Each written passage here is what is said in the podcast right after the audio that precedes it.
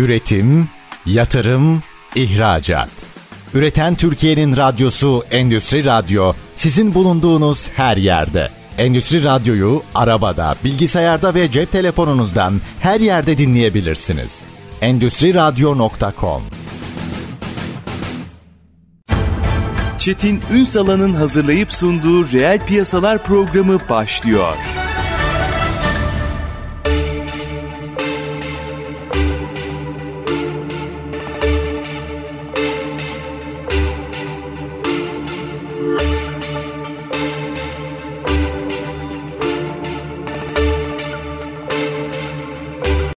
Reel piyasalardan merhabalar. Türkiye'nin gerçek gündeminde birlikteyiz efendim. Kalite konuşacağız bugün. Bakın her şey değişiyor. Teknolojiler değişiyor. iş yapış modelleri değişiyor. Ama artık tartışılmaz bir kavram haline gelen kaliteyi yine mercek altına alacağız. Çünkü bu kadar çok değişimin yaşandığı bir dünyada ve ekonomide kaliteye ilişkin bakış açısının gelişmemesi mümkün değil. Biz biraz bugün bunun ipuçlarını alacağız. Hem de önümüzdeki günlerde 31. kez hayata geçecek olan kalite kongresinin ana temasına biraz mercek tutacağız. Çünkü hemen paylaşayım. Riskin ötesi diyor. Bilim sektör ve toplumda adalet. Tema bu. Önemli bunu da konuşacağız. Bugün Türkiye Kalite Derneği Kalder Yönetim Kurulu Başkanı Yılmaz Bayraktar reel piyasaların konu. Sayın Bayraktar yayınımıza hoş geldiniz efendim. Çok teşekkür ederim Çetin Bey. Öncelikle kalite ayındayız. Bizi davet ettiniz. Bu bir fırsat bizler için. İzleyicilere ulaşıyoruz. İyi yayınlar diliyorum ve çok teşekkür ediyorum. Ben çok teşekkür ediyorum. Üstad başladığımız yerden girelim. Şu temaya geleceğim ve onu da açacağım ama gerçekten bu kadar çok şeyin değiştiği, teknolojinin, iş yapış modellerinin hatta üretim süreçlerinin değiştiği bu ortamda şimdi yıllardır bunun mücadelesini veriyorsunuz ve Türkiye'de bir kalite olgusu oluştu. Bu değişiyor, bu gelişiyor mu? Biraz sohbete buradan başlayalım. Bu bütün değişimin içinde kalite nereye konumlanıyor? Şimdi şöyle söyleyeyim ben, e, biz 90 yılı diyelim en azından başlangıcımız olarak Türkiye'nin liberal ekonomiye geçişle beraber o zaman Cumhurbaşkanımız Sayın Turgut Özal ve sanayicilerin e, girişimleriyle Türkiye Kalite Derneği kuruluyor. Kuruluş amacı da sonuçta Türkiye'nin refah düzeyini yükseltmek ve özellikle Avrupa'da rekabet düzeyimizi artırmak. Dolayısıyla böyle bir gönüllü bir kuruluş ama bir taraftan da gerçekten gönüllüler. Yani e, bu kurumlar, kuranlar e, elemanlarını verip kalderin çatısını oluşturup bize destek veriyorlar. Bu yıllar e, bir şekilde altın yıllar. Çünkü 90'lı yıllarda bu hareket başladığında gerçekten büyük bir ilgi, büyük bir e, katılım var ve tabii ki dünyanın her yerinde bu bir yönetim sistemi Elbette. sorunu sonuçta ama adı kalite olarak geçiyor. Çünkü kaliteyi yükseltirseniz yönetim kalitesinden bahsediyoruz. Ürün kalitesi zaten e, kendiliğinden oluşuyor. Dolayısıyla 90'lı yıllardaki temalarımız hani Avrupa'da iş yapacak kurumların daha çok bu ISO belgelerinin serileriyle artık yönetilemez bir yere gelmişti. Bir şekilde Avrupa'da da eş zamanlı kurulan IFQM, Avrupa Kalite Yönetim Vakfı ve onun Türkiye'deki ülke temsilcisi olarak Kalder ortaya çıktı. Ve biz, Bu arada her iki üründen birini bugün Avrupa'ya sattığımızı düşünürseniz demek ki amacı da amaç hasıl olmuş. Amaç hasıl oldu, çokça oldu. Şöyle bir gurur var. Şimdi 90'lı yıllarda bu hareket başladığında adına ulusal kalite hareketi diyoruz. Böyle biraz daha çekici gözüküyor. Bu ulusal kalite hareketine katılan e, kurumlar bir imza atıyorlar. Vallahi de billahi de biz bu yola baş koyduk. Söz veriyor. Söz veriyorlar. Evet üst seviyeden geliyor ve kurumun iliklerine kadar bu sağlanıyor. Bu seviyede kurumlar bunu benimseyince bizim kurumlarımız Avrupa'da akranlarından yani Avrupalı akranlarından önce büyük ödüle ulaştılar. Bunların içinde Arçelikler, Sabancılar, Eczacıbaşıları yani isimler değil ama bizim kurumlarımızın akranlarından önce Avrupa'da ödül aldılar. Avrupa'da bu başarıyı gösteren üç ülke öne çıktı. İspanya ve İngiltere ve gururla Türkiye. Dolayısıyla 90'lı yıllardan 2010'lu yıllara kadar hemen hemen neredeyse her e, üç ödülden birini biz aldık. Geldi. Türkiye'den Doğru. geldi. Dolayısıyla onunla gurur duyuyoruz. Çok e, güzel bir gelişmeydi. Başlangıçtaki konularımız daha fazla kalite ağırlıklı temaları oluşturuyordu. Sonradan değişim gündeme geldi ve artık yönetim sistemlerinin ağır olduğu, risklerin e, öngörüldüğü bir takım yeni kavramlarla beraber şekillendi. Buna da gelebiliriz. Aslında galiba büyük değişim de burada gözüküyor. Yani biz ürün kalitesinden artık risklerin yönetim kalitesine kadar normal yönetimi de geçmişiz. Risklerin yönetim kalitesine kadar bir aşamaya kadar gelmişiz. Şimdi burada belki ufak ufak açmak lazım. Bu 31. buluşmada 22-23 Kasım'da gerçekleşecek buluşmada tema çok ilgimi çekti. Bir kere şu kavram çok güzel. Riskin ötesi. Biz ki riski veya krizleri karşılaştıktan sonra yönetmeyi alışkanlık haline getirmiş bir toplum olarak riski konuşup riskin ötesini konuşuyor olmak bence çok kıymetli. Biraz bunu açalım lütfen.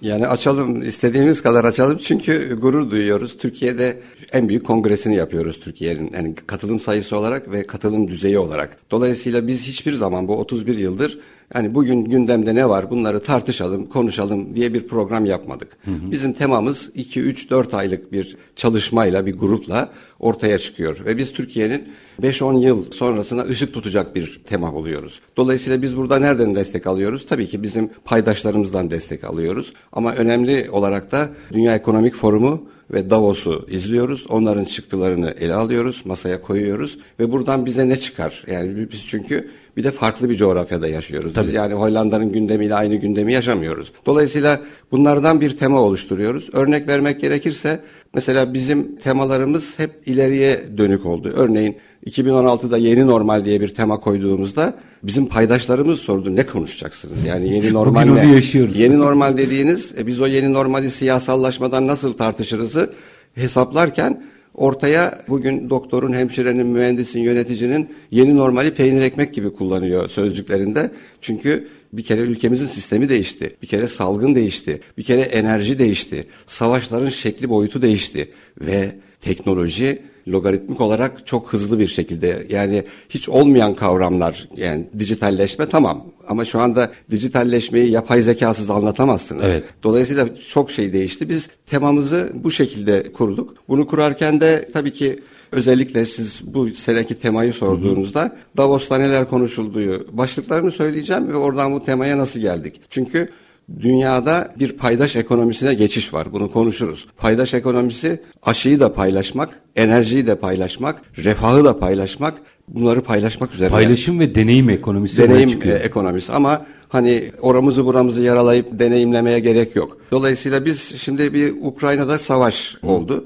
Biz bunu tartışırken savaşın ayak izleri vardı. Avrupalılar ve Batı bir savaş olacak diyorlardı. Satır alan vardı, almayan vardı. Neresinden bakarsanız bakın planlı bir savaştır bu. Evet. Bu savaş değiştirdi. Bugün Avrupa'nın özellikle Doğu Avrupa'yı Fransa dışında nükleere bağlı diğerlerinin günlük hayatını, duşunu bile değiştirdi. Üstad bugün daha paylaştım. COP27'de Fransa Cumhurbaşkanı ile İngiltere Başbakanı'nın yaptığı açıklamalar ne olursa olsun bu savaş bizim yenilenebilirden dönüşümüzü dönüşümüze neden veya bahane olmamalıdır. Aynı kararlılıkla devam ediyoruz diye altını çizerek açıklama yaptılar. Evet şimdi burada hani Fransa yüzde 85 nükleere dayalı bir elektrik enerjisi üreten bir ülke ve tek örnek yüksek nükleerle. İngiltere daha farklı hani üzerinde güneş batmayan imparatorluk. Onlar da bir şekilde Avrupa Birliği'nden Avrupa bize ayak bağı olmasın diye uzak doğuyla ilişki kurmak için ekonomik e, ayrıldı. Türkçe, Türkçe meali bu. Dolayısıyla onların gündemi farklı. Burada offside'a düşen Almanya oldu. Yani Almanya nükleer enerjisini kapattı, santralleri tasfiye etti ve Ukrayna Savaşı'yla şu an gazla nasıl hesaplaşacağının hesabını yapıyor. Dolayısıyla Ukrayna Savaşı değiştirdi. Şimdi onlar için bir tehdit oldu. Bizim için zaten tehdit biz çünkü enerji ithalatçısıyız ama bizim için de bu arabuluculuk ve enerji koridor açısından bir takım fırsatlar e, getirdi. Diğer bugün çok artık e, satın alıyoruz o düşünceyi. Durgun ekonomi, resesyon diyorlar. Ben durgunlaşma diyorum. Gerileme diyorum. Küreselleşmenin geleceğinde tartışmalar oldu. Çünkü küreselleşmenin karşıtları var biliyorsunuz. Yerel güçler, yerel motifler, yerel diller. Bunlar çok özendirilen şeyler Birleşmiş Milletler tarafından. Ama küreselleşme biraz çizgiyi aştı. Zaten paydaş ekonominin gelmesi de bu küreselleşmenin çok keskin olmasından. Şimdi bugün gazeteleri açın. İşte Elon Musk böyle yaptı, Elon Musk böyle yaptı. Ya ben de onun kadar okudum. Ben niye Elon Musk değilim? Hı-hı. Ya adam neredeyse ülkeler üstü bir pozisyonda evet, evet. Bu da rahatsız, konu rahatsız ediyor. Dolayısıyla bu küreselleşmenin bir olumsuz tarafı oldu. Bunun çözümü.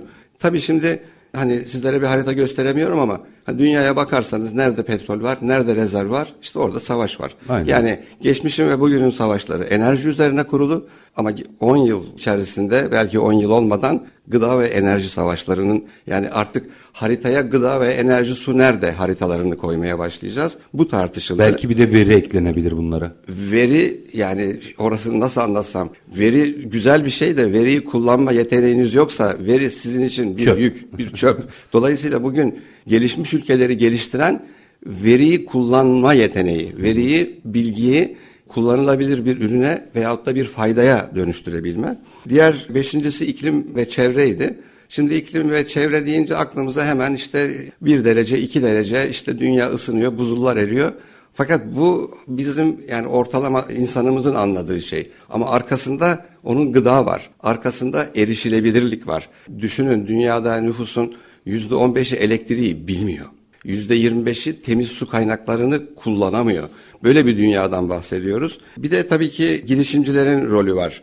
Şimdi girişimcilik özendirildi ama böyle sanki herkes yapay zeka yapacak, herkes bilmem ne yapacak. Tarımdaki girişimcilik çok tartışılmıyor. Bizde de hele hiç farkında neredeyse değiliz. Sağlık konuları salgın öngörüldü. Bu boyutta olacağı öngörüldü mü bilmiyorum ama bizim yeni normal olan 2016'daki kongremizde bu salgın konuşuldu. E, 2004-2005 yıllarında aslında ülkelere yapılan raporlamalarda böyle bir hani zamanın şeyi belli değil ama böyle bir öngörü Risk var. var. Yani bunun için Risk komplo var. teorilerini de okuyabilirsiniz ama sonuçta öngörülen olası bir şeydi. Deprem gibi olabilir, olmayabilir ama oldu, yaşadık ve alt üst olduk. Gelecekle ilgili yani biz şimdi geleceğe odaklı bir düşünce yapısını olgunlaştırıyoruz ve onu destekliyoruz. Bu tartışıldı ve şimdi bir de dijital dedik, yapay zeka dedik, bir de halkın metaverse dediği ben yabancı sözcükleri çok sevmiyorum ama öte evren diye söyleyebileceğimiz. Öte evren güzel. Evet, öte Daha evren. çok sevdim ben bunu. Yani Türkçemizi bir şekilde kullanmaya özendirmemiz gerekiyor. Özellikle sizler dikkat ediyorsunuz yayın kuruluşları olarak ama Türkçemiz bir şekilde karşılıkları çok düzgün olduğu zaman kullanmak lazım.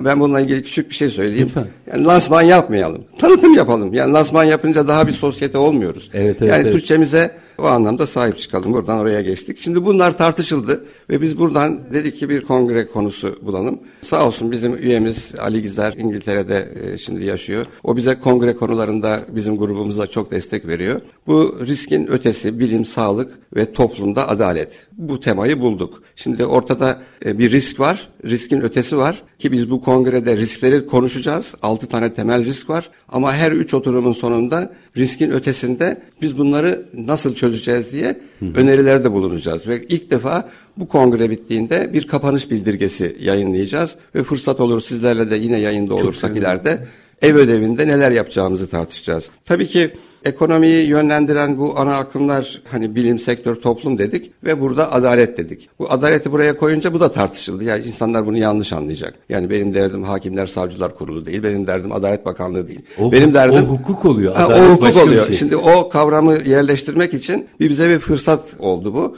Adalet deyince işte her şeyin adaleti, bilimde, sektörde, toplumda. Şimdi düşünün, dijitalleşiyoruz ve siz bir şekilde bırakın elektriği, internetiniz yok. Siz yani bugün o hani coğrafya kitaplarında, tarih kitaplarında işte Afrika'da, Avustralya'da işte pigmeler yaşıyor bilmem ne. Onun gibi oluşan bir nüfus olacak. Eğer siz paydaşlarınızla birlikte bu teknolojinin getirilerini yaşayamazsınız. Yani ulaşılabilirlikte eşitlikten bahsediyoruz. Eşitlikten bahsediyoruz. Bu çok ciddi bir şey. Yani bunu zaten bilim sektörü ve toplumda. Şimdi bilim ne yapıyor? Daha iyi iklim tahminleri yapabilir. Teknolojik gelişimi takip edilir. Neye odaklanır?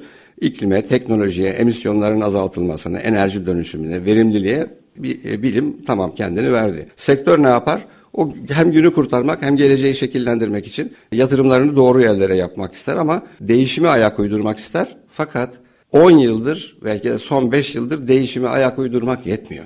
Dönüşüme ayak uydurmak gerekiyor. Biraz açar mısınız? Kıymetli bir şey söylüyorsunuz. Çünkü şimdi değişim çok özendirildi. Değişimden herkes korkar ama değişim olur. Yani değişim bir şekilde olur. Biz de sosyal, siyasal, teknolojik her türlü değişimi yaşıyoruz. Bugün geldiğimiz yer hep değişim. Ama bugünden sonra veya son 3 yıldır artık dönüşüm gerekiyor. Yani bunun için ne bileyim izleyicilerimiz belki önce Franz Kafka'nın dönüşümünü okuması gerekiyor. Ondan sonra da biz dönüşürken ne olacağız? Yani dönüşürken bambaşka bir şey mi olacağız? Belki de olacağız. Çünkü salgın hayatımızı değiştirdi. Enerjideki kaynakların ulaşılabilirliği, enerjinin bir savaş aracı olarak kullanılmaya başlanması bizim dönüşmemizi gerektiriyor. Dönüşme nedir? Alışkanlıklarımızdan vazgeçeceğiz. İşte Almanya Basit 2019'la 2022 yılı arasında o kadar çok şeyi dönüştürdük ki. İşte dönüştü. O dönüşümün yani değişim olmadığını da kendimiz farkında değiliz. Çünkü hızlı değişim bir anlamda sizi unutturuyor. Yani dün tartıştığınız, şimdi bir anda iki aydır maskeleri çıkarttık. Ve yani şimdi maske takana yani bir tuhaf bakıyorsunuz. Değişiyoruz ama dönüşmek için başka şeyler yapmak gerekiyor. Şimdi Endüstri 4.0 diye bir şey var. Hani sorun çoğuna ya bu 4 nereden geliyor, bu 0 nereden geliyor, bu niye hani Almanya bunu telaffuz etti ilk de. Hani insanların böyle temel kavramlar üzerinde bir takım eksik bilgileri var. Bu eğitimle falan da ilgili değil. Yani bir sözcüğe yapışıyorsunuz ama o sözcüğün derinliğini bilmiyorsunuz. Mesela bir kendimiz için de söyleyebiliriz. Birleşmiş Milletler işte kalkınma amaçları 17 tane hedef var. E şimdi ben bunu yönetici olarak konuşursam, söylersem böyle hoş oluyor. Yani benim olgun, bilgili, donanımlı olduğum gözüküyor. E aç deyince o kutuyu içinde ne var o 17 kutunun? Bir paragraf, iki paragraf sonra tıkanabiliyorum. Biz bunları işselleştirebilmemiz lazım. Durun o kadar kıymetli bir yerdesiniz ki buraya bir virgül atıp bunu aranın ardından devam etmek isterim. Çünkü bazı şeyleri bu, bu bende de çok ciddi bir rahatsızlık. Çok güzel bazı şeyleri konuşuyoruz ama içini doldururken aslında içini boşalttığımızın farkına varamıyoruz. Nasıl dolduracağız o süreci birazcık daha açalım ama minik bir araya gidelim. Efendim riskin ötesini konuşuyoruz. Kalder Yönetim Kurulu Başkanı Yılmaz Bayraktar konuğumuz. Kısa bir ara lütfen bizden ayrılmayın. Üretim, yatırım, ihracat. Üreten Türkiye'nin radyosu Endüstri Radyo sizin bulunduğunuz her yerde. Endüstri Radyo'yu arabada, bilgisayarda ve cep telefonunuzdan her yerde dinleyebilirsiniz. Endüstri Radyo.com Kısa bir aranın ardından reel piyasalarda tekrar sizlerle birlikteyiz. Konuğumuz Türkiye Kalite Derneği Kalder Yönetim Kurulu Başkanı Yılmaz Bayraktar. Riskin ötesini konuşuyoruz. Şimdi Sayın Bayraktar araya gitmeden önce kadar kıymetli bir şey söylediniz ki. Biz kavramları ortaya atıyoruz. Güzel. Ama bunu hayata geçirmek için ne yapıyoruz? İşte aslında tartışılması gereken bu dediniz. Hadi ben virgülü kaldırmış olayım. Araya gittim geldim. Devam edin lütfen buyurun. Çok teşekkür ederim Çetin Bey. Keyifli bir sohbet oluyor. Dediğim gibi bizim için bir fırsat izleyicilerimize ulaşmak. Şimdi de gerçekten sözcükleri hani bir cümlede kullanmak, olgunluk seviyenizi göstermek için kullandığınız vakit dikkatli olmak gerekiyor. Demin sohbette hani biraz inovasyon üzerinde durduk. Yani inovasyonun işe yarayan bir buluş olduğunu basitçe anlatmak varken inovasyonu çok bir kimse tarif edemeyebiliyor. Şimdi bizim geldiğimiz noktada biz e, Birleşmiş Milletler kalkınma amaçlarını niye söyledim? Çünkü Birleşmiş Milletler kalkınma amaçları şu 17 tane e, başlık bir şekilde duruyordu. O yeni bir şey değil. Ama bizim de IFQM modelimizin içerisinde ona bir atıfta bulunulurdu. Bu atıfta bulunmak yani sen oradasın biliyorum nezaketle ilgili bir konu. Fakat 2020'deki değişen IFQM modelinde Bunlar artık şart oldu. Yap yani diyor yani. yap diyor. Bunları yaparsan ben senin notunu yükseltirim. Bunları yaparsan yani nedir bunlar? İşte iklim değişikliği ya da temiz su ya da sağlıklı ve kaliteli yaşam ya da paydaş ekonomisi. Ben şeyi doğru mu anlıyorum Sayın Başkan? Artık bir hepimiz kardeşiz falan böyle temenniler manzumesinden geç icraata geç diyor. temenni yok. Yani yapmak var ve bunu yaparken tabii ki şimdi enerji kriziyle beraber bu iklim, gıda buralarda toplum ne yapacak kısmını anlatmamız gerekiyor. Deminki başlıklarımızda bilim, sektör dedik, toplum. Topluma ne geliyor? Toplum ne yapması lazım veya ne yapıyor? Bir kere bir akımları ve eğilimleri izleyeceğiz. Yani akımları bu dünyadaki her türlü sosyal, siyasal, teknolojik akımları, tüketim alışkanlıklarımızı değiştirmemiz lazım. Bakın Almanya yasak koyuyor. 3 dakikadan fazla duş yapma. Yani buraya gelmeden de biz bunu e, yapabilirdik. Ya da kurumları bir şekilde değerlemek. Çok değerli kurumlar var ama bu kurumların bazıları yok oluyor. Bizde bu biraz daha hızlı. Bazı kurumların adını hatırlamıyoruz. Yani şu anda Türk Dil Kurumu'ndan kim bahsedebiliyor ki? Yani kurum var ama kurumların etkinliği yok. eden. Evet. Ya da neye odaklanıyor toplum?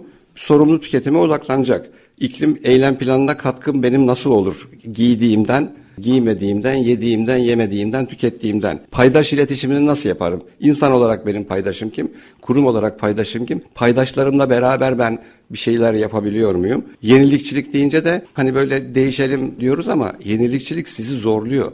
Buna temiz temiz seve seve uyum sağlamak varken buna direnmenin de bir anlamı yok. Sayın Başkan aynı zamanda uyum sağlarken fırsatlar geliyor aslında. Fırsatlar geliyor ama uyum sağlamazsanız o fırsatı göremiyorsunuz. Size şimdi yol ayrımına geldiniz. Basit olursa yüzde elli şansınız var sağa veya sola gitmek. Ama bir kavşağa geldiniz orada biraz daha donanımlı olmanız lazım. Doğru. Nereden gitmenizi gerektiği için. Çevreyi koruyacağız. Teknoloji kullanımını özendireceğiz. Ve buradan bilim sektörü ve toplumun neye odaklandığını konuştuktan sonra bu riskin ötesini başlık olarak koyduğumuzda hemen adalete geliyoruz. Çünkü bunun sonundaki adaletin hem harfleri iri hem sonunda ünlem var. Biz burada duruyoruz. Pardon bir de sanıyorum hani bunu 3-4 sene sonra belki yine sizin yeni normal gibi konuşuyor olacağız ama yaptırımları da sert. Evet. O adaletsizliğin. Adalete ulaşacaksınız toplumsal adalet. Eğer olmazsa sert yaptırımlar da geliyor. Evet yani ben şimdi maliyeden sorumlu insan değilim ama sonuçta faturasız bir işlem yok. Evet. Yani sizin bir şekilde yanlış yaptığınız bir şeyin faturasını Kesin. insan ve toplum olarak ödeyeceksiniz. Bu zaman meseledir. Üç vakte kadar olur, üç güne kadar olur onu bilemem. Faturasız bir işlem yok. Dolayısıyla bunların sorumluluğunu alacağız. Türk Dil Kurumu'nda adalet ne diyor? Hak ve hukuka uygunluk, hakkı gözetme olarak tanımlanmış. Herkesin kendine uygun düşeni, kendi hakkını koruması ve doğruluk diyor. Ama Dünya Ekonomik Forumu'nun çıktılarından bakarsak adalete, güvenli bir adalet. Yani adalet olacak ama ben de güvenebileceğim o adalete. Diğeri yönetim ve etiklik. Şimdi etikliği biz tartışırken etiklik ahlak değil. Bunun bugün konusu değil ama etikle ilgili bizde farkındalık yok bir kere. Yani ahlak konuşabiliriz Türk toplumu olarak ama etik ayrı bir konu. Ahlak etiğin yüksek bir listesinin maddelerinden Evet, biri. etik bir şemsiye orada bir madde. İnsani karar alma. Yani aldığınız e, adaletle ilgili kararlar insana yönelik olacak. Bugün hani onun da sapmalarını çokça görebiliyoruz. Teknoloji de adalet. Demin konuştuk ya. Biz şimdi teknolojiyi kullanıyoruz. E ben şimdi en son seri bir telefon kullanıyorum. İçinde her uygulama var. Bankaya gidiyorum, bilet alıyorum, onu yapıyorum, bunu yapıyorum. Afrika'daki garibimin ne zorluğu var? Bu teknolojiyi görmemiş, bilmiyor, kullanamıyor. Biz şimdi bu teknolojinin yararlarından tamam gelişmiş ülkeler daha çok yararlanacak ama ya aşıyı bile paylaşamadık. Bir şeyi paylaşmamız lazım. Bunu Dünya Birleşmiş Milletler Önderliğinde kurumların kendi çıkarları için. Yani diyelim ki adına Amerika deyin, Rusya deyin, İngiltere deyin. Onlar kendi toplumlarının geleceği için az gelişmiş ülkeleri desteklemek zorundalar. Yoksa yarın öbür gün başları derde girecektir. Tabii ki bilimi de hani adil bir bilim olması gerekiyor.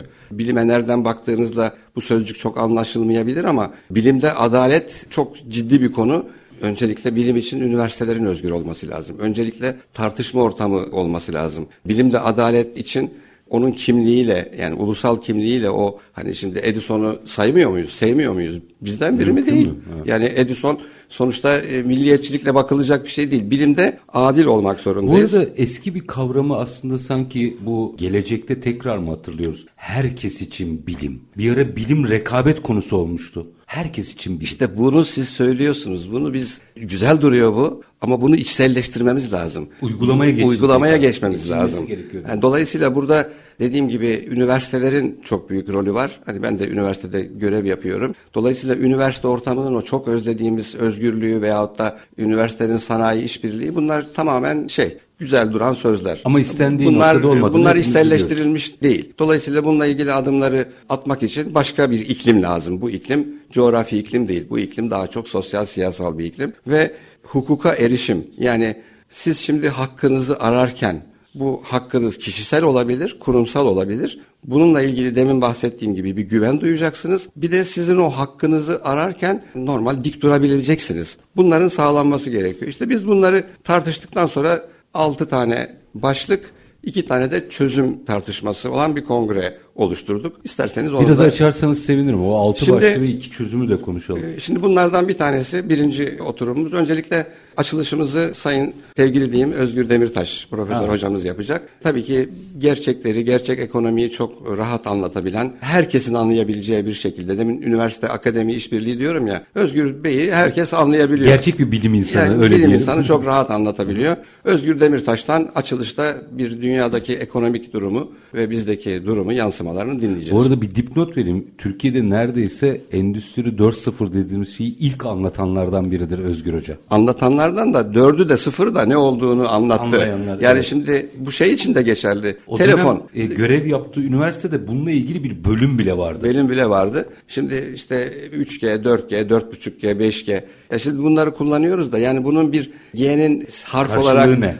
Bir şekilde karşılığının bir evre, bir aşama olduğunu aktaramıyoruz. Şimdi ilk oturumumuz enerji. Dönüşüm nasıl olacak? Yani konu bu. Burada iki şey öne çıktı. Bir iklim değişikliği, de enerjinin sağlanması yani kaynakların e, sağlanması. Burada bir görsel olsaydı, dünya haritasını koysaydım, o haritada enerji kaynaklarının özellikle bilinen rezervleri de ortaya koysaydım, savaşların nerede olduğunu görürdünüz. Bu kadar basit yani. Haritaya koyduğunuzda enerji üzerinde 100 yıldır savaşlar enerji üzerine. Demin dediğim gibi biraz sonra geleceğiz. 5-10 yıl sonra artık su ve gıda savaşları olacak. Şimdi burada ekonomik büyümeyi, iklim değişikliğini hızlandırmadan sağlayabilmek için, temiz enerji üretmek için bu enerjiye herkesin erişimini sağlamalıyız. Başlık bu. Burada yenilenebilir kaynaklara gideceğiz. Şimdi yenilenebilir kaynakların da e, ne kadar dönüşüme yeterli olduğunu tartışmamız lazım. Bu Brezilya için farklı. Yani Brezilya için orada işte Amazon ormanları var, su var, bitki var. Yani orada biyoyakıtlar onların çözümü olabilir ama benim Konya Ovam e, Tuz Gölüm kurumuşken altında obruklar oluşmuşken benim için doğru bir Doğru seçim değil. olmayabilir bu. Benim için Herkes için farklı. Herkes Ama için galiba en demokratiği güneş. Güneş daha demokratik. Güneşte tabii alana ihtiyaç var. Güneşle ilgili şanslıyız ve son 1-2 yıldır örnek bazı tesisler kuruluyor. Mesela rüzgar Türkiye rüzgara geç girdi. Kutlamak lazım. Hükümetimiz bir takım teşvikler aldı. Ve şu anda en büyük türbinler Türkiye'de. Yani gidip Cebeli Tarık'ı geçerseniz oradaki türbinler size böyle yani küçük gelebilir şaşırırsınız. Ya bizdekiler daha büyük diye. Şimdi büyük türbinler var ama şimdi çevreci deyince olaya bir bütün bakmak lazım. Rüzgar çevreci mi çevreci, e, yenilenebilir mi yenilenebilir ama ölçüsünü ve yerini kaçırmamak lazım. Çünkü Çok onun haklısınız. sizin duymadığınız gürültüyü arılar duyuyor, bal Evet, yapmıyor. çok. Onun etrafında o gürültüden bir takım bitki örtüsü, bir takım sizin görmediğiniz doğal habitattaki şeyler yok oluyor. Dolayısıyla ölçülü kullanmak lazım. Bir diğeri hidroelektrik. Hidroelektrik de hani çevreci mi, e, yenilenebilir mi? Ne kadar yenilendiğini bilemem, ne kadar çevreci olduğunu da bilemem ama ömürlerinin en- azından 100 yıl olduğunu, sonrasında başka bir çevresel boyut olduğunu bilmemiz lazım. Yapar mısın? Yaparım. Ama bütün bunların bilincinde yenilenebiliri teşvik etmemiz gerekiyor. Dolayısıyla burada moderatörlüğünü ben yapacağım bu oturumun ve Profesör Doktor Sayın e, Beril Tuğrul, İTÜ Enerji Uzmanı bizimle birlikte olacak. Doktor Bahadır Kaleağası e, bizimle birlikte olacak ve Sayın Şükrü Ünlü Türk bu oturumda. Bu oturumun yansımalarını biz tartışacağız. İkinci oturuma geçtiğimizde geleceğin savaşlarının olacağı gıda. Burada da gıda güvenliğinden daha çok öne çıkarıyoruz ve gıdada biyoçeşitlilik yani gıda Tek düze değil. tek düze değil yani şimdi burada hani hormonlu gıdalardan bahsetmiyorum da nüfus arttıkça Endemik yapılar burada kritik hale geliyor tabii. kritik hale geliyor. Şimdi bu hani yerel işaretlemeler falan başladı ya bunlar çok değerli bir şey. Hani bazı yerel işaretlemelere bakıyorsunuz bir bal var çıktığı yer belli piyasaya bakıyorsunuz orada çıkanın yüz katı. Hani şimdi bunlarla ilgili denetim şu bu falan da olmalı. Tabii ki arazi kullanımı, arazinin doğru kullanımı. Biz şimdi ülke olarak elbette ki Şehircilik Bakanlığı'nı, Tarım Bakanlığı'nı burada eleştirecek durumda değiliz. Eleştiririz de. Ama Uzun vadeli bir program çerçevesinde bizim tarıma uygun arazilerimizin saklanması lazım. Çünkü 10 sene sonra o yüzden savaş çıkacak. Şimdi sizin Mezopotamya tarihi okuduk kıymetli. Yani oradan savaş çıkacağı belli. Toprak verimli. E sonuçta dünyanın ortasında ve herkes orada savaşıyor. Niye Bir savaşıyor? de Sayın Başkan mesela rehabilitasyon meselesini hiç konuşmuyoruz. Topraklarımızın işlenilen topraklarımızın rehabilite edilmesi gerekiyor. Her yıl bir santim azalıyor. Mesela bunlara hiç sıra gelmiyor. Ama şimdi bunları şimdi yani çok değerli bir şey söylüyorsunuz. Bir santim azalıyor. Şimdi sizin gibi kaç yayıncı ya da kaç bakanlık görevlisi bunu bir basın organı aracılığıyla hani demin benim bahsettiğim Konya Ovamız çöküyor ya da topraklarımız her yıl bir santim erozyondan uğruyor, azalıyor ya da biz yağlı tohumlar ekiyoruz diye Aşık Veysel'den iyi mi bileceksiniz? Aynen. Bir şekilde o topraklar bir sene, iki sene, üç sene verim verecek. E sonrasında ne olacak? O toprağın zenginliğini sağlamak için başka bir habitat lazım. İşte onun içinde nem var, onun içindeki etraftaki iklim var, o akarsuların habitatı var gibi konular. Dolayısıyla burada iklim değişikliğine uyumlu daha dirençli. Yani burada bu ekilir, burada bu ekilmez. Bununla ilgili devletin ve hatta Birleşmiş Milletler'in önderliğinde belki de yaptırımlarıyla devletler bile çok özgür olmamalı. Nerede ne yapacağıyla. Çünkü yani bir tarım envanteri ve planlamasından planlamasından bahsediyoruz. Bu çünkü dünyanın sorunu. Evet, yani doğru. şimdi Rusya'nın enerjisinde benim hakkım var mı? Var arkadaş. Sonuçta o senin malın bana satıyorsun parasını veriyorum ama sen onun geleceğini ve sürdürülebilirliğini koruyamıyorsan ben de siyasal olarak bir eylem planı geliştirmem lazım. Çünkü ben ki buğdayla ilgili uzlaşma buradan çıktı ve sağlandı. Yani o konsensus herkesin buğdayı diye. Evet yani çıktı. bizim ülkemiz bu konuda anahtar rol oynadı. Birleşmiş Milletler'in desteğiyle Birleşmiş Milletler'in Gerçekten görevi bu. Yaptırımları ne kadar yeterli o ayrı bir, o şey. ayrı bir konu. Ama olması gereken bu. Siz şimdi eğer buradan tahılı aktaramazsanız zaten onların istediği silahları da onlar alamaz. Onlara da lazım onu satmak. Doğru. Ama ben ölmemem lazım, aç kalmamam lazım. Dolayısıyla burada Dilek Emir'in moderatörlüğünde Profesör Doktor Vural Gökmen Hacettepe Üniversitesi Rektör Yardımcısı Berat İnci bu Gıda Kurtarma Derneği Yönetim Kurulu Başkanı ve Mehmet Üves EBR'de Türkiye Başkan Yardımcısı bunlar bir şekilde görev alacaklar. Üçüncüye ve bizler... geçmeden önce minik bir ara vereyim. Olur. Ama bu iki konu çok hayati ve gelecekte çok hayatımızda olacak. Bugünden bunların tartışılıyor olması çok önemli. Şimdi diğer o dört başta da çok merak ediyorum ama minik bir araya gideyim müsaade edin. Aranın ardından devam edelim. Efendim riskin ötesi bilim, sektör ve toplumda adalet içine bakıyoruz. Kısa bir ara aranın ardından Kalder Yönetim Kurulu Başkanı Yılmaz Bayraktar'la sohbetimiz devam edecek. Lütfen bizden ayrılmayın. Üretim, yatırım, ihracat. Üreten Türkiye'nin radyosu Endüstri Radyo sizin bulunduğunuz her yerde. Endüstri Radyo'yu arabada, bilgisayarda ve cep telefonunuzdan her yerde dinleyebilirsiniz. Endüstri Radyo.com Kısa bir aranın ardından reel piyasalarda tekrar sizlerle birlikteyiz efendim. Konuğumuz Türkiye Kalite Derneği Kalder Yönetim Kurulu Başkanı Yılmaz Bayraktar. Riskin ötesi bilim, sektör ve toplumda adalet temasıyla gerçekleşecek olan aslında kongrenin biraz detaylarına giriyoruz. İki oturum birbirinden kıymetliydi. Bir enerji, bir gıda. Ben orada bir araya gitmiştim. Üçte ne var gündemde? Üçü hemen söyleyeceğim de üçe geçmeden zaman daralır unuturuz. Ben geçen hafta Fransa'daydım. Lyon'da IFQM'in Avrupa'nın bizim gibi en büyük kongresi yapıldı. İşte 50'ye aşkın ülke katıldı. Biz onlara söz etmiştik Türkiye'de yapalım bir kongreyi Uluslararası diye. buluşma. Uluslararası bir buluşma. Ve 100. yılımızdan dem vurduk ve anons edildi. 100. yıl için IFQM Avrupa Kalite Vakfı'nın büyük kongresi 2024 yılında Nisan ayında İstanbul'da olacak. 2023, 2024. 2023'ü atlıyorlar. 2023'ü atlıyorlar bu salgından dolayı sarktı. Dolayısıyla ilk defa sizin radyonuzdan ve ilk defa Türkiye'de buradan olacak. Türkiye şu anda sizden duyuyor. Kalite Kongresi Avrupa'nın İstanbul'da olacak. 100. yılımızın anısına. Müthiş. müthiş. Evet. Bu bence çok anlamlı bir haber. Evet. Ve 100. yılın anısına yapılmış evet. olması ayrıca anlamlı. Evet. Buradan İş da birlik, yapmış hep birlikte e, bu paydaşlıkla beraber bunları yöneteceğiz. Bu bir fırsat Türkiye'nin tanıtımı için. Şimdi üçüncüsünde kaynaklara geliyoruz. Kaynaklar çeşitli ama burada tedarik zincirimiz ne kadar güçlü. Şimdi hmm. tedarik zincirinde salgında ne yaşadık? Şu kadarcık çip bulamıyor diye adam araba üretemedi. Şimdi tedarik zincirinde biz evimize artık ihtiyaçlarımızın bakkala gidemiyoruz diye hepsini internetten neredeyse aldık. Türkiye'de biraz motokuryeler falan da bu salgınlardan önce başarılı e, bir lojistik yeri geçirdik. Halk bunu anlamayabilir ya da eksik anlayabilir ama sonuçta tedarik zincirinde çok ciddi sorunlar, kırılmalar oldu ve bunlarla bağlantılı olarak ben otomobil örneğini verdim. Başka örneklerde tedarikten küçük şeyler eksik Sorun diye. Sorun da hala aşılmış değil bu arada. Aşılmış değil. Bazı ülkeler yatırım yaptılar, çip yapacaklar ama bu çipler öyle bir şey ki şimdi Amerikalılar da ben Siemens e, Westinghouse'da çalıştım uzun yıllar. O zaman çok anlatılırdı. İşte Tokyo, Çin, Tayvan yapıyor biz de yapalım.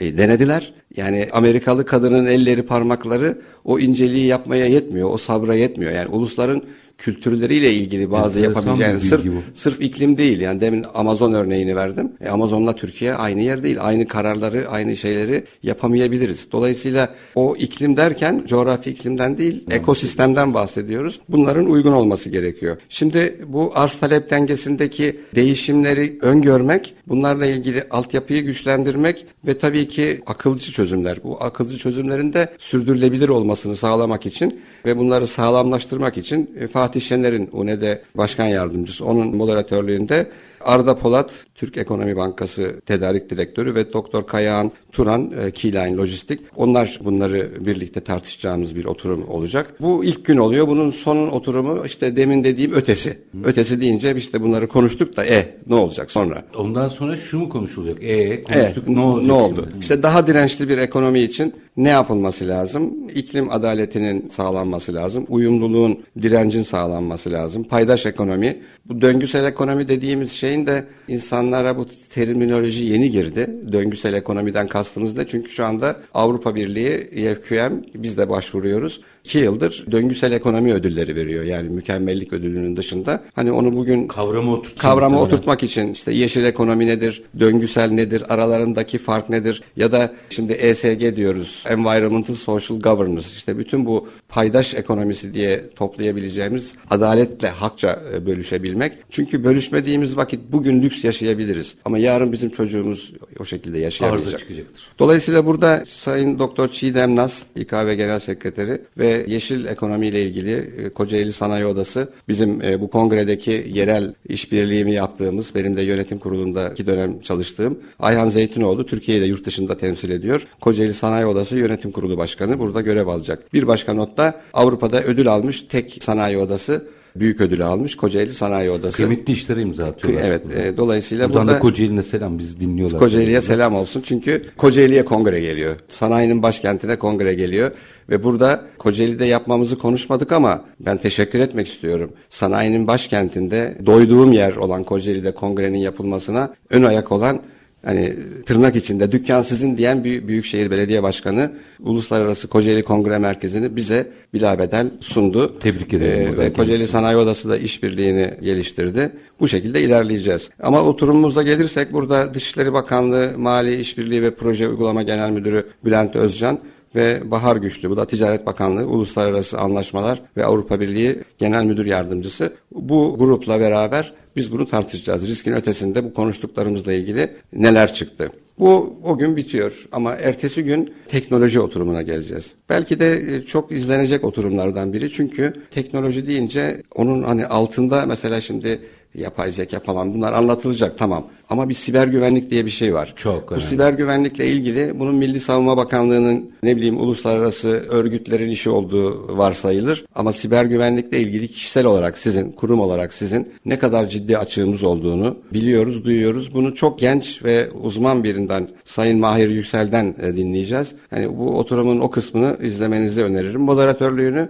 yine bir teknoloji danışmanlığı yapan kurumu olan ve bizim İzmir Şube Başkanımız olan Sayın Doktor Senem Kılıç'ın moderatörlüğünde ve Aslı Güreşçiyer, e, Econext e, Türkiye Genel Müdürü onlarla tartışacağız. Bu oturum bayağı bir ses getirecek. Hı hı. Çünkü teknolojinin bizim çok tartışmadığımız bir yönünü burada. Bir de sana, sanayinin odaklandığı bir yerde bunu tartışıyor olmanız çok kıymetli. Çok kıymetli çünkü buraya nereden geldik? Geçen yüzyıla göre 3000 kat daha fazla veriyle biz yani ister insan olun ister müdür olun ne olursanız olun 3000 kat veri size geliyor. Eskiden gönderdim cevap bekliyorum. Zaten 5 dakika cevap vermezseniz telefondan neredesin deniyor. Yani hız var. Dolayısıyla bu teknolojiyi biz yararlı olarak nasıl yönetebiliriz ve teknolojinin değişimi dönüşümünde biz neyi kaçırırsak Mesela eğitim olarak biz İrlanda olamadık. Hollanda olamadık. Hindistan hiç olamayız. Yani onların kafaları bir sıfır çalışıyor. Biz şu anda ciddi bir dijitalle ilgili bir sıfırla ilgili bir eğitimde ciddi bir şey kaçırıyoruz. Handikapımız Bizim bir sonraki kuşağımız maalesef duvara toslayacak. Bunun önlemleri e, alınabilir. Çok geç değil ama bir uyandırma servisi gerekiyor. Şimdi biz bunu tartıştık. Çok tartışılması, çok özgür tartışılmayan bir konuyu e, tartışacağız göç. Göçle ilgili ben Sayın Bahadır Kaleası'nın İzmir'deki kongresinde bir göçle ilgili haritaları koydu, rakamları koydu. Orada bir ciddi sarsıldım konuyu biliyorum. Ama biz göç deyince bize Suriyeliler, Afganlar geldi. Dünya bu kadar. Öyle değil. O göç haritasında bize geldikten sonra hani var ya Orta Asya'dan insanlar dağıldı Avrupa'ya haritalar vardır tarih kitaplarımızda. Bizler nereye gitti? Hangi kırımlar, kaymaklar nereye gitti? Kaymak tabakalar nereye gitti? Nitelikli insan Nitelikli gücü insan nereye, nereye gitti? Onları Bahadır Kalası da çok iyi bilir bu işleri. Onları izleyeceğiz, anlayacağız. Selam ee, olsun ve de kendisine. Bu göç hareketlerinde Profesör Doktor Nilüfer e, Narlı ve Sayın Bekir Ağır'dır. Bu konuyu tartışacaklar. Çok güçlü isimler ve sonuçta nereye geliyoruz? Şu an 3 milyar istihdam var dünyada. 5 milyar istihdam yaşayamazsak bu 2 milyar ya savaşacak ya ölecek. Yani o istihdamın sağlanması için önümüzdeki yıllarda yapılması gereken demografik yapıların ne anlama geldiğini bir örnek verebilir miyim? Lütfen. Vaktimiz var mı? Bir şekilde Vancouver'de iki gece kaldım.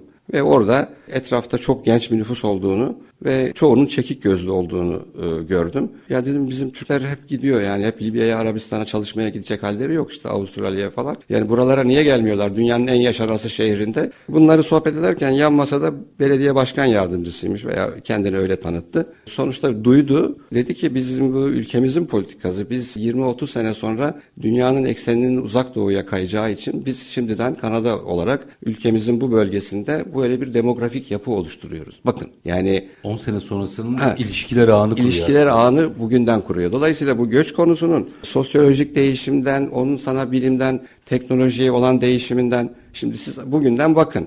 İşte mübadele oldu 100 sene önce. Yani bunun artısını eksisini kimse tartışıyor mu? Elbette. Ben ben işte Trakya göçmeniyim tamam da yani oradan 500 bin gelmiş benden bir buçuk milyon gitmiş. Sonuçta ben bir milyon da insan kaybetmişim. Şimdi bunun analizini hangi üniversite kim yapıyor Allah aşkına bana söyleyin. Ya şu Suriye meselesinde Almanya'nın nokta atışı tek tek isim aldığını biliyorum. E, yani bu, Mülakatla. Evet.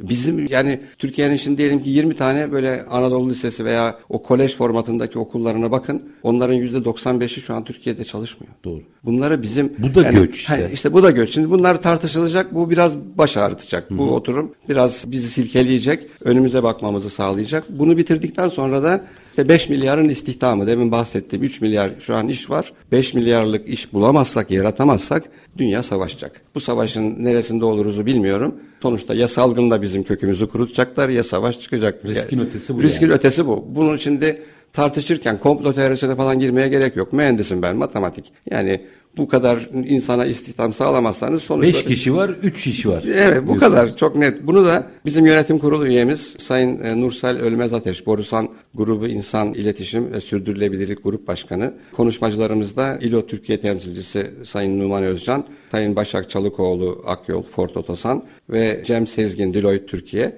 Bunlar tartışacaklar. Bu arada dikkat ederseniz Nursel Ölmez Ateş, Senem Kılıç, e, yönetim kurulu üyelerimiz, kadın e, arkadaşlarımız gururla söylüyorum ki Türkiye'nin tek derneği yönetim kurulunun yarısı kadın, yarısı erkek olan, üst yönetiminde yarısı kadın, yarısı erkek olan tek derneğiz. Herkese tavsiye ediyorum derneklere. Çok verimli oluyor. Bu, evet çok verimli oluyor ve yani o yani yıkıcı düşünce diyoruz, çığır açan düşünce diyoruz, yapıcı düşünce diyoruz. Bunların hepsini kadınlarımız güçlü ve yaratıyorlar. Şimdi bu oturumda bittikten sonra ödül olacak akşam. Büyük ödül açıklanacak. Ondan önce ötesi. Burada da kalite riski yönetmek. Riski nasıl yönettiniz? İşte burada Türkiye'nin önde gelen yöneticilerinden yani 3 yıldır salgın yönettik, kriz yönettik, dolar yönettik, euro yönettik. Ne varsa yönettik. Yönetmedik bir şey kalmadı yani. Bunları bir iş insanı nasıl bu, ris- bu riskleri nasıl yönetti? Onunla ilgili kuşaklara, gençlere öncelik verecek. Ve tabii ki kapanışta da biz e, adalet diyeceğiz. Adalet deyince aklımıza hakimler, hakemler gelir.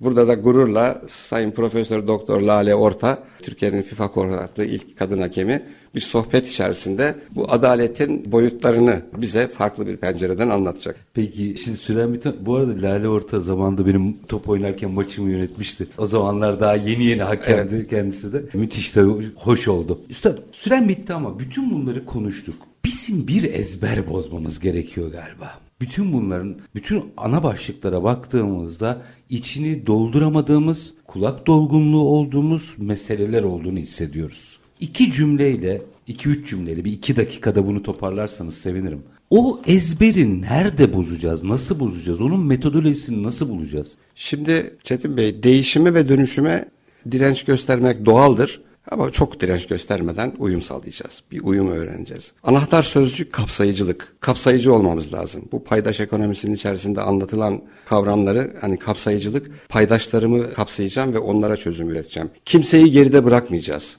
kimseyi geride bırakmama üzerine bir düşünce oluşturmamız lazım. Enerjiyi doğru paylaşmamız lazım. Ve tabii şimdi değişen kavramlar var. Bu kavramlar nedir? Yani bu bizim modele de son zamanlarda giren birkaç tane kavram var. Bunlardan bir tanesi yıkıcı düşünce. Yani bu yıkıcı düşünceyi yık geç demiyoruz. Yaratıcı yıkım. Yaratıcı bir yıkıcı düşünce var ve bununla biz bir şekilde uyum içerisinde geleceğimizi yönetmeliyiz. İşte bu dijitalleşmenin gereklerine ayak uydurmamız gerekiyor ve bütün bunları yaparken de işbirliği içerisinde el birliğiyle kamu, özel sektör ve sivil toplum ve siz daha çok burada COBİ'lere de sesleniyorsunuz. Ben özel olarak bizim hedef kitlemiz küçük orta boy işletmeler. Özellikle orta boy. Biz Almanya ile birebir aynıyız. Yani bizim Yapalım. ekonomimiz üç tane büyük kurum üzerinden ihracat yapmıyoruz. Altında COBİ'ler var. Biz diyoruz ki COBİ'lerimizin bu kongreye gelmesi lazım. Onların yöneticilerinin gelmesi lazım. Kendilerine ulaşamadıysak o büyük ödül almış kuruluşlarımız bir bilet vererek kendi tedarikçileri olan bu orta boy işletmeleri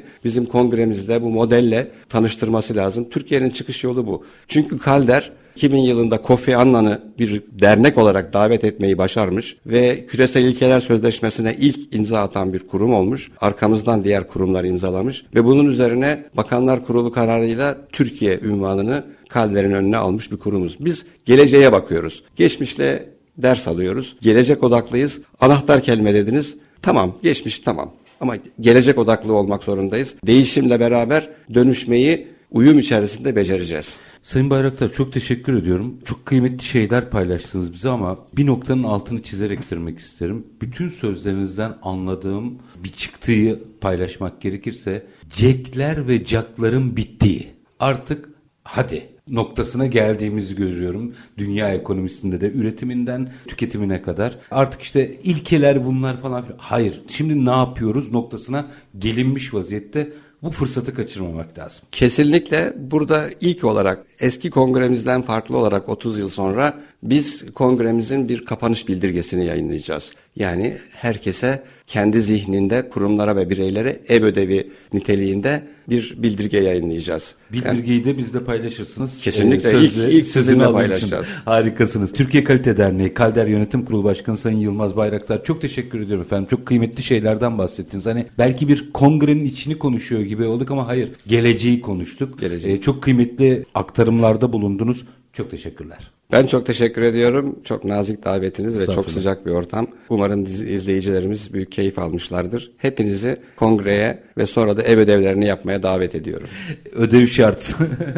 Çünkü ödev artık ödevi kontrol eden bir hoca yok. Bütün dünya o ödevi kontrol edecek. Buradan da bunu söylemekte fayda var. Efendim bugün konumuz Türkiye Kalite Derneği Kalder Yönetim Kurulu Başkanı Yılmaz Bayraktar'da. Biz reel piyasaları her zamanki gibi bitirelim. Şartlar ne olursa olsun. Paranızı ticaret ticarete, üretime yatırmaktan, işinizi layıkıyla yapmaktan ama en önemlisi vatandaş olup hakkınızı aramaktan vazgeçmeyin. Hoşçakalın efendim.